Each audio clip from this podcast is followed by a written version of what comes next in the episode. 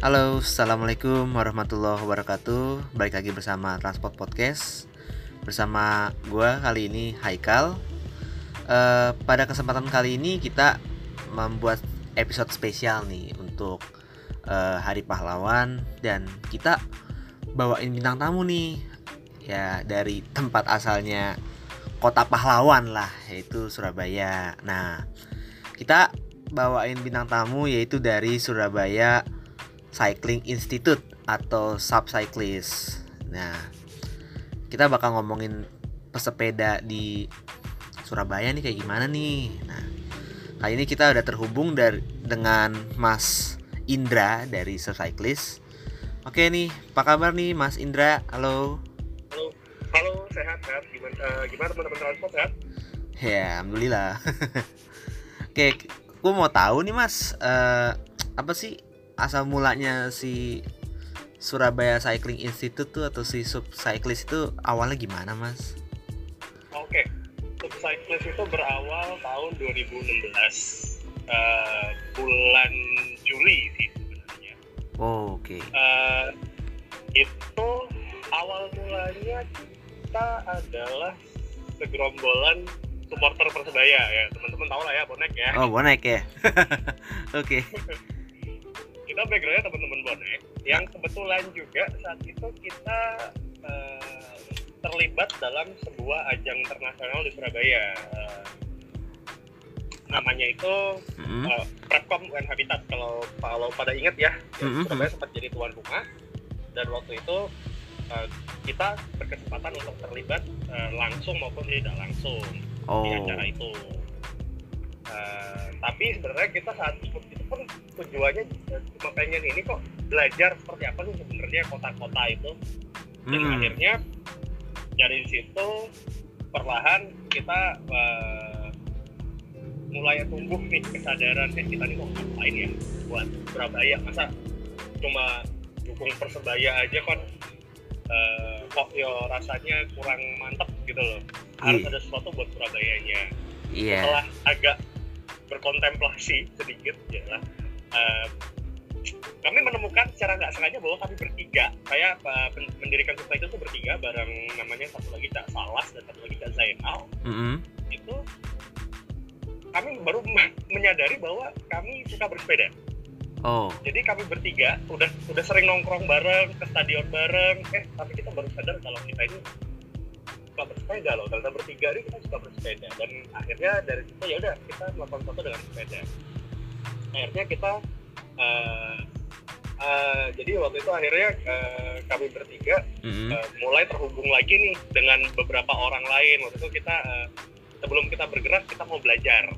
Oh nah, saat belajar. itu kita, kita belajarnya ke sama teman-teman kota kita dari Solo oh, dari Solo iya iya kita belajar gimana sih caranya gerakan kemasyarakatan itu? Mm -hmm. uh, kita belajar gimana caranya memahami kota.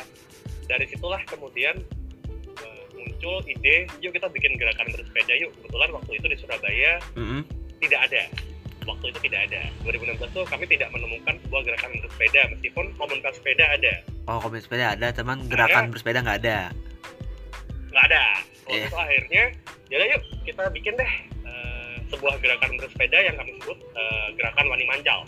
Nah, kemudian setelah itu akhirnya kami sepakat formatnya gimana? Formatnya adalah kita bikin kegiatan bersepeda hmm. sambil mengenalkan kota Surabaya, oh. baik dan buruknya. Jadi kita ngajakin teman-teman buat mengenal Surabaya dengan cara bersepeda, tapi bukan cuma tahu yang bagus-bagus. Kita ajakin teman-teman ke tempat-tempat yang kumuh-kumuh uh, gitu contoh tidak terduga iya uh. uh, dan itulah akhirnya kita buat kegiatan yang namanya Mancal Nang Surabaya itu kegiatan bulanan kami dari uh -huh. 2016 Agustus uh -huh. dan baru terputus pandemi ini Oh pas pandemi kemarin ya, pas saat ini ya. Pandemi kemarin terputus dan uh, pas sekarang kita PSBB juga.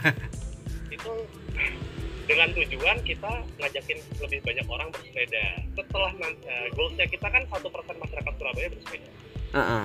itu tujuan kami. Tapi goals di balik itu adalah kita pengen menumbuhkan kesadaran ke teman-teman. Sebenarnya isu bersepeda eh, kegiatan bersepeda itu kan buat banyak orang masih olahraga. Iya betul. kegiatan uh, senang-senang. Kami ingin uh, pertama biar orang banyak bersepeda dulu. Yang kedua saat mereka tahu bahwa bersepeda itu menyenangkan mulai kita pengaruhi nih mulai kita masukin pemikiran-pemikiran bahwa uh -huh. bersepeda itu sebenarnya adalah transportasi. Iya benar. Jadi kami berusaha uh, step by stepnya kami melakukan hal-hal seperti itu sampai sekarang. Termasuk advokasi-advokasi kami coba lakuin mm -hmm. uh, ketemu sama pihak-pihak yang berwajib meskipun mm -hmm. hasilnya masih belum banyak uh, ini sih sampai saat ini belum banyak nih ya belum banyak perubahan berarti di Surabaya. Iya. Kurang lebih itu sih sejarahnya cyclist. Jadi uh, tadi kan tuh sejarahnya ya terus kegiatannya ada kayak mancal nang Surabaya gitu betul betul. Jadi alias wani mancal tuh bahasanya itu apa tuh bahasa Indonesia itu mas? Berani berani bersepeda. berani bersepeda gitu. Yes. Dan sebenarnya mancal sendiri kalau dalam bahasa Jawa Surabayaan ya yeah. mancal itu artinya menendang sih sebenarnya. Oh gitu. Cuma hmm, coba uh, tapi ada juga orang yang bilang bahwa bersepeda itu eh mancal itu bersepeda. Jadi misalnya hmm. kalau bahasa Jawa ini bahasa Jawa kasar lah yeah, mancal yeah. itu adalah bahasa yang dari bersepeda itu yang uh -uh. pakai oh gitu jadi kan kegiatannya tadi ada tadi tuh ya Mancanang Surabaya dan melakukan advokasi-advokasi gitu. Nah, ya. kalau boleh tahu nih advokasinya sampai hal apa nih Mas? Kayak misalnya al infrastruktur untuk pesepeda kayak jalur sepeda dan segala macem itu juga di ini nggak sih dikemukakan sama subcyclist nggak sih? Uh, kami mencoba bergerak seperti ini. Infrastruktur sepeda itu adalah bagiannya dari uh, pemerintahan kan sebenarnya. Betul. Itu artinya kami harus engage dengan pemerintah. Hmm, benar. Uh, beberapa kali sejak kami berdiri kami mencoba untuk menyuarakan hal ini ke pihak pemerintahan bahwa jalur sepeda itu dibutuhkan, hmm. bahwa jalur dan lajur itu berbeda gitu. Iya. Yeah. Uh, bahwa uh, sebenarnya uh, pesepeda itu adalah sebuah alternatif utama transportasi kota. Hmm. Cuma memang uh, sampai saat ini pun perkembangan jalur sepeda, lajur sorry, jalur nggak ada di Surabaya. Lajur sepeda sampai saat ini ya gitu segitu-segitu aja gitu loh dari tahun 2010 deh. 2010 tuh kan lajur sepeda mulai ada di Surabaya. Di mana tuh mas? Itu sampai 2000 kenapa? Di mana posisi apa tuh uh, lajur sepedanya tuh? Lajur sepeda 2010 pertama ada di Raya Darmo dekat Taman Bungkul. Oh situ. Darmo. Sekarang uh, sekarang sudah mulai tambah panjang tapi bayangin aja 20 tahun eh sorry 10 tahun sejak 2010 2020 uh -huh. lajur sepeda di Surabaya itu belum ada deh uh, 10% dari total panjang jalan di Surabaya. Yo kecil banget dong. Kecil. Kecil banget dong iya. cuma ada di tengah kota tengah kota doang pinggiran belum ya kayak daerah Kenjeran atau daerah Unesa nah belum ya Unesa belum ada belum ada uh, Unesa belum ada daerah-daerah lebih pinggir lagi belum ada bener-bener hanya tengah dekat tengah. kantor wali kota tuh ada hmm. daerah Gubeng gitu contoh Gubeng ada Gubeng, ada. ada gitu hmm. nah lalu kalau misalnya hmm. kan tadi uh, pertama mengamanjek mengamanjekan kan ya kayak bahwa sepeda ini uh, alat transportasi loh bukan cuma buat olahraga ya. doang gitu kan. Nah terus kan uh, ngajakin nih kota kita tuh begini. Berarti kan uh, muncul diskusi gitu loh mas bahwa wah kita habis jalan-jalan misalnya rute bulan ini kita mau ke daerah mana gitu. Yang istilahnya kita ngelewatin ya tatanan sosialnya tuh ada yang naik ada yang jomplang gitulah lah ya. Hmm. jadi ya kita uh, istilahnya ini loh kota kita nih ya banyak dinamika sosialnya. Itu ada diskusi apa sih setelah misalnya bis jalan eh, jalan-jalan sepeda itu? Uh, kalau setelah jalan-jalan bersepeda itu kan kami dalam uh, format yang kami gunakan berarti format storytelling. Jadi teman-teman ada yang bercerita di daerah ini situasinya seperti ini ada cerita seperti ini gitu. oh gitu. Nah kami selesai acara memang beberapa kali mencoba uh, mengajak peserta untuk berkontemplasi atau mencoba berpikir bahwa ada loh hal-hal di Surabaya yang kamu nggak lihat sebelumnya gitu kan? Iya iya. Nah uh, yang kami syukuri adalah kemudian tumbuh peserta-peserta ini punya minat lain. Dalam arti minat lain oh mereka tumbuh kepedulian terhadap kota Surabaya terhadap gitu isu-isu sosial, isu ekonomi. Heeh, Walaupun di kemudian hari mereka nggak bersepeda gitu ya, heeh. tapi mereka mencoba bergerak untuk melakukan perubahan di bidang lain itu aja udah cukup seneng sih kami. Sudah dan memang sudah ada beberapa teman yang seperti itu. Iya, bener sih. Jadi eh jadi ada ini ya after dari kita tadi jalan-jalan tadi tuh eh kayak misalnya ada aja yang nyeletuk kayak wah ternyata infrastruktur di daerah sini masih terbelakang nih gitu ya. Ada aja langsung mengadvokasikan itu ya kan dari Hmm. membernya Sucyclist Betul sekali. Heeh. Nah, eh selain itu ada kampanye gimana lagi kan? Tadi kan kampanye kayak eh sepeda itu transportasi, terus ada juga nggak sih ngajakin orang Surabaya untuk bersepeda kayak eh ayo dong eh, kita nih kotanya sangat car oriented banget nih. Da- udah gitu kan kita tahu lah ya. eh, aku sih pernah ini sih eh, berkolaborasi sama Transport for Surabaya FDTS Yes. Haha, haha. ya. Nah, dia bilang emang ya busnya aja juga begitu. Apalagi mau bikin yang kayak Jakarta kayak MRT segala macem gitu, ya wah ribet dah gitu. Nah, berarti kan salah satu eh yang paling bisa diarepin tuh ya sepeda gitu loh. Agar gimana supaya ya eh emisi polusi di Surabaya tuh bisa berkurang lah gitu, Mas. Tuh ada nggak sih kampanye kayak gitu? Kalau kampanye seperti itu selama ini Cyclist belum terlalu frontal ya. Kami memang tidak frontal dengan kampanye yang eh kamu harus sepedaan gini enggak. Kami Oh, tidak kami, menghindari menggunakan kata harus. Hmm. Eh, namanya yang harus atau istilahnya kalau gue nanya uh, Cak Zainal kalau untuk founder Ah, ah. perlu diingat yang wajib yang wajib itu cuma sholat gitu. Iya. betul, betul banget itu.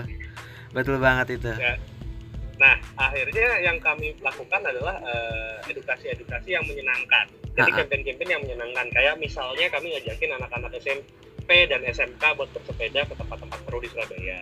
Oh. Mempertemukan mereka dengan eh, orang-orang yang bisa menginspirasi mereka. Jadi kan jadi eh, terus saya sendiri pernah ngajar di SD SD kelas 1 kelas 2 untuk ngajarin mereka soal lalu lintas dan jalanan. Jadi kami Oh. berusaha masuk lewat cara-cara seperti itu daripada cara-cara yang eh, lebih frontal yang oh lu harus bersepeda atau kamu harus eh, bersepeda soalnya bersepeda menyelamatkan lingkungan. Enggak deh, kayaknya kami nggak bisa bersepakat dengan Susah ya. kampanye seperti itu.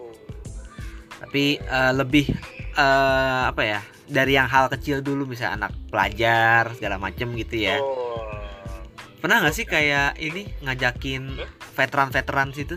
Veteran eh, Surabaya gitu naik ontel kan juga ada komunitas ontel segala macam Oh. kolaborasi Ya. lah gitu kalau kolaborasi sama teman-teman Kosti ya, kalau kalau istilahnya kalau veteran tuh tadi Surabaya itu teman-teman Kosti, komunitas sepeda tua Indonesia. oh gitu Nah, eh, kalau kebetulan kami kenal beberapa teman-teman Kosti, cuma sepertinya itunya beda.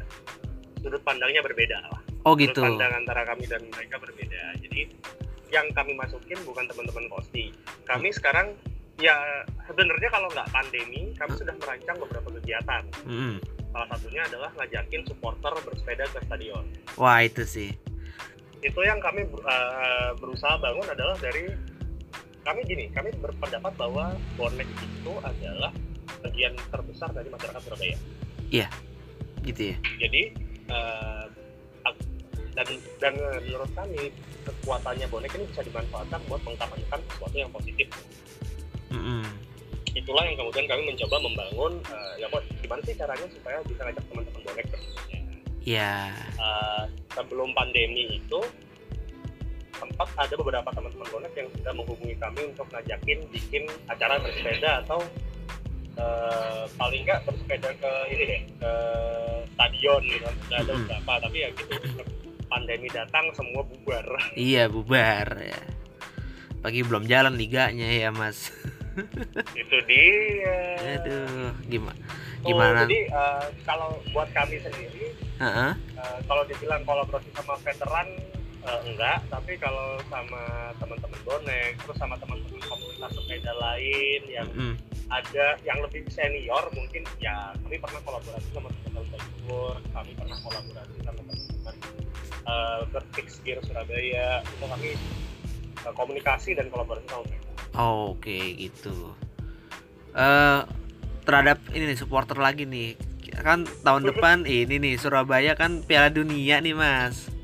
yes. Tuh ada ini gak sih kiat-kiat nih dari Cyclist nih ngajakin ayo nonton ke apa Gelora Bung Tomo gitu pakai sepeda. Sayangnya ya saya GBT tuh nggak kayak GBK ya iya iya sih Mas bener Eh, lahan-lahan sampingnya masih banyak sawah sih. dan itu jauh banget kalau GBK Betul. enak tengah kota Iya itu dekat Gresik sih ya jatuhnya.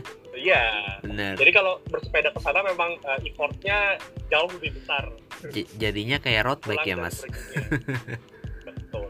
tapi ya gitu tapi kita akan mencoba mengusahakan itu sih kalau memang bisa nanti kita akan coba bikin campaign bersepeda ke stadion Mm-mm. saat Piala Dunia Mm-mm. Uh, sama ya gitu kita memang benar-benar harus menunggu sih uh, kami nggak bisa nge, istilahnya ngumumin plan-plan ini karena kami takut pandeminya belum selesai Iya. Ntar jadi PHP. tadi PHP Iya. makanya ya udahlah dikit dulu aja ini cerita di sini juga santai aja sih Iya, sebenarnya tanpa iya. teman-teman juga udah pada tahu cuma uh, istilahnya uh, kalau buat kami umumin secara langsung di media sosial kami belum lah gitu. Iya, cuman ya sekedar ini aja lah ngobrol-ngobrol biasa lah wacana. Oh, Eh btw nih mas di kota Surabaya ini nggak sih kan sekarang lagi marak begal sepeda nih. Itu di Surabaya juga ada nggak sih? dari Kasus. dulu sih kalau itu Oh dari dulu. Uh, dari dulu dong Hmm. Dari dulu dari dulu kalau begal sepeda sih dari, dari Surabaya dari dulu tapi sebenarnya eh, baru belakangan ini sepedanya yang dibegal Iya, kalau dulu kalau dulu pesepedanya pesepedanya ini Jadi pesepedanya bawa sepedanya. apa bawa apa itu itu yang dibegal Nah, Ah-ah. sekarang sepedanya yang hilang Iya. Tuh. Baru belakangan ini cuma kalau di Surabaya enak Hmm, kenapa tuh? kenapa tuh? nyarinya gampang nyarinya gampang Kok bisa gitu sih? jadi kalau ada orang sepedanya hilang dibegal Ah-ah. nah, Surabaya itu nyarinya gampang sudah orang-orang tuh udah hafal oh kalau sepeda yang tipe ini hilang nyarinya ke sini Sepeda yang Oh, ini hilang nyarinya ke sini udah pada tahu ada aja aja ya. oh, Nggak jauh-jauh gitu ya pengepulnya ya. kemarin aja ada nih teman kehilangan sepeda Ah. fiksi Mm. satu hari doang Udah, Mbak. Ya saya kayak ya mampir doang lah sepedanya lah gitu. Ah, jadi dia satu hari doang dia dia, dia sebarin di medsos sepedaku hilang gini Ah. gini gini gini besoknya udah eh sepedaku udah ketemu Jadi lebih istilahnya lebih ini ya, lebih slow aja lah kalau hilang ter paling di sini ada gitu. Ah, ah, tapi memang harus cepat nyarinya sih kalau nggak cepet ya udah hilang hilang Iya, hilang gitu. iya, iya. jadi begitu udah hilang langsung hubungin teman-teman langsung cari aja ke lokasi Iya, kalau di Jakarta kan kayak wah heboh gitu. Wah, 30 juta hilang. Iyalah. Ya Allah. kayak eh, pertama lebay duluan gitu. Tapi dicarinya enggak. Nah, kalau Jakarta mending gitu deh teman-teman Jakarta mungkin mulai bisa ini nih eh, membukukan kalau sepeda hilang kira-kira ke mana ya itu harus tahu iya sih, bener-bener. Itu ada tips baru tuh dari Cyclist tuh. nah kalau kalau menurut saya sih coba ya kalau sepeda hilang coba cari di pasar rumput Nah, itu emang bener di pasar rumput. itu paling banyak banget memang. cari cari pasar rumput cari di pasar pasar Senen iya. Dan pasar ular juga ada gitu. pasar nah iya pokoknya pasar pasar Oh, itu iya. ada ada pasti tapi ya gitu biasanya mereka sudah membukukan eh, merek kalau tipe sepeda seperti ini jualnya ke mana Benar, bahkan benar. cari online pun sekarang gampang kok Bener, bener. Terus eh apa gitu kegiatan misalnya kayak ini nih mas, Eh pemerintah kan lagi mau bikin eh, bike sharing nih ya katanya nih pemerintah kota Surabaya. Tapi Mhm. tapi itu kata eh katanya baru ini doang, baru wacana doang. Itu kira-kira subcyclist juga ikut ini gak sih? Ngedorong gitu bahwa eh ayolah cepet lah. itu loh mas maksudnya Eh, kan eh, bike sharing itu kan bagus bike Betul. sharing itu bagus Betul. saat, saat itu artinya memberikan kemudahan buat warga bersepeda ya kan iya betul cuma di sisi lain eh, kita harus lihat lagi apakah kota itu siap menerima bike sharing atau tidak Oke. itu yang kedua Heeh. Lalu? Eh, sekarang ambil contoh Jakarta deh Jakarta kan udah ada Gowes tuh Iya betul. Bandung Boseh. Bandung ada Bose Betul. Heeh. betul itu pertanyaannya kan apakah kota-kotanya sudah siap Jakarta Bandung sudah siap Iya. Jakarta punya stasiun MRT Jakarta eh, terminal sebenarnya terminal busway juga ada Iya. gitu kan Bandung punya docking-docking yang sudah siap lokasi-lokasi yang memang sudah dituju Mm-mm. kalau menurut kami satu bike sharing eh, diadakan oleh Pemkot Surabaya itu baik itu baik itu inisiatif yang baik Iya. cuma sebenarnya kota Surabaya belum siap kota dan warga Surabaya belum siap Belum siap. kecenderungannya orang Surabaya adalah yang mending mending aku punya sepeda sendiri lah daripada naik sepeda begituan gitu loh Iya benar. Ngapain sewa kalau bisa beli? itu kecenderungan betul toh toh ya apa ya eh, mau diheboh-hebohin model apa bike sharing itu tapi kalau kemudian tidak tidak ada kesiapan dari kota dan warga ya nggak bakal jalan oh gitu. Oh, kalau kami dari subcyclist tidak mengambil sikap men- menolak ataupun tidak mengambil sikap em, mendorong. Nah, Hmm. ya silakan kalau mau pakai boscek silakan, mau pakai gowes silakan, mau pakai sepeda sendiri silakan, as long as kamu bersepeda itu cukup. Gitu. Itu misalnya gini mas. eh posisi kan sekarang kalau di Jakarta nih ya dibikin regulasi gitu loh tentang bahwa gedung-gedung harus bikin eh halt eh, halte lagi parkir sepeda gitu. Nah itu kira-kira Oke, eh, di subcyclist gimana pandangannya? itu bagus sih sebenarnya. Nah, saya sendiri pernah pernah kerja dan tinggal di Jakarta cukup lama. Oh ya, Nah, saya hidup di sekitaran Sudirman, Ragunan, Depok, Bekasi lah. iya iya.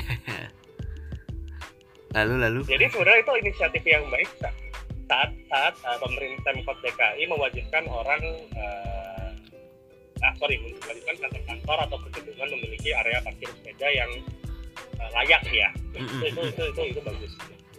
Itu uh, itu artinya uh, paling tidak Pemprov DKI itu sudah mengarah ke keadilan untuk semua pengguna jalan Betul. ke keadilan bertransportasi itu itu dulu aja Mm-mm. meskipun kita tahu Jakarta jelas kepentingannya banyak nasional ada provinsi ada gitu kan Betul. Eh, internasional juga ada Iya. tapi paling nggak dengan kebijakan ini menunjukkan bahwa pemprov DKI itu ada willingness willingness buat eh,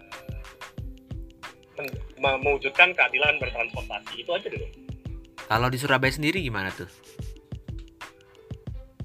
Surabaya sendiri sampai saat ini belum ada ya, belum ada peraturan yang mewajibkan perkantoran ataupun uh, gedung-gedung itu punya area parkir sepeda itu rasanya belum ada peraturan yang mewajib- mewajibkan ya. Hmm. Kalau menghimbau mungkin ada.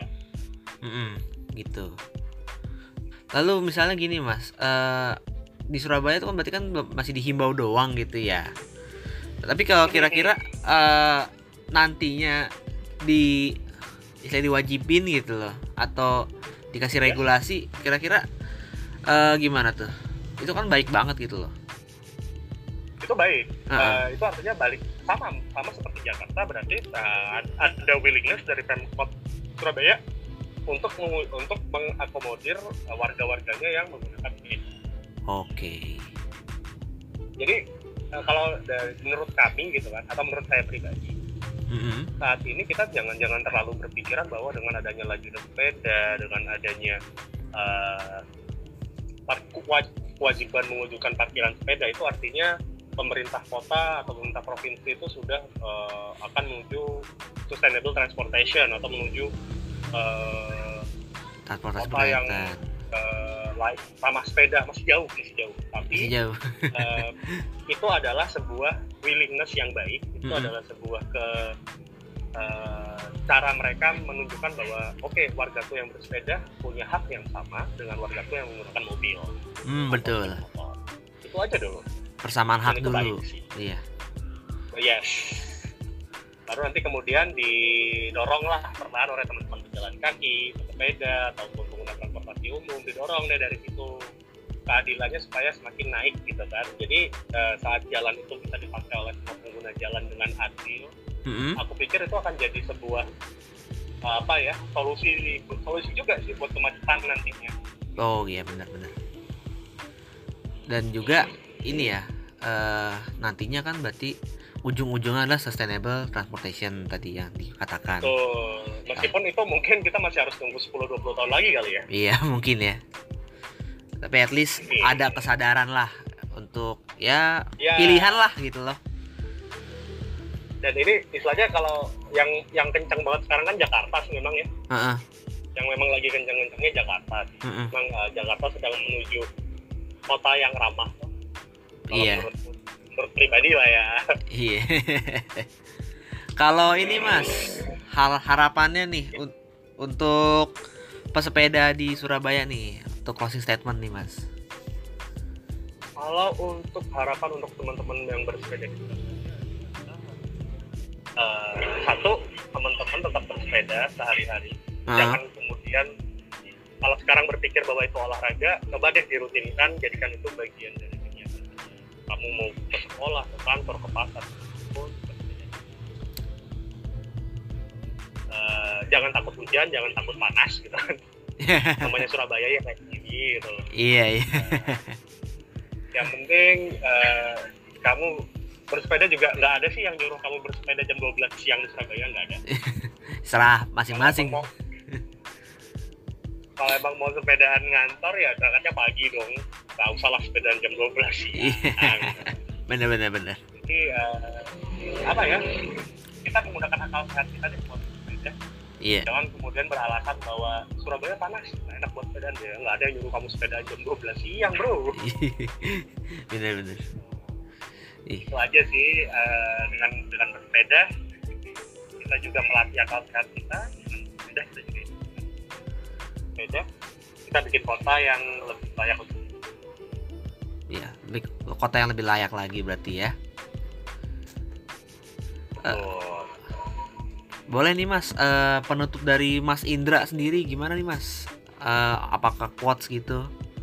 oh, Oke, oke trans Transbro dan Transis di mana pun kalian berada, eh, kalau eh, kalian punya kesempatan untuk berjalan kaki dan kalian maka lakuin. Mm. Kalau kalian punya kesempatan buat naik angkutan umum juga lakuin. Ha-ha. Jangan kemudian eh, terjebak dengan zona nyaman.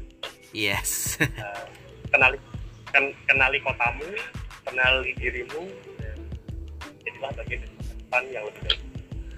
Asik mantap nih. Makasih banyak nih Mas Indra dari Subcyclist nih. Perbincangan Oke, tentang thank you tentang perbincangan pesepeda di Surabaya. Semangat terus Subcyclist. Semoga kita bisa berkolaborasi lagi di masa Oke. yang akan datang. Sukses terus. Oke, itu dia tadi transport para eh, pendengar transport podcast, para transport dan transis ya. Itu pembincangan kita tadi dengan Subcyclist. Eh, kurang lebihnya mohon maaf. Wassalamualaikum warahmatullahi wabarakatuh.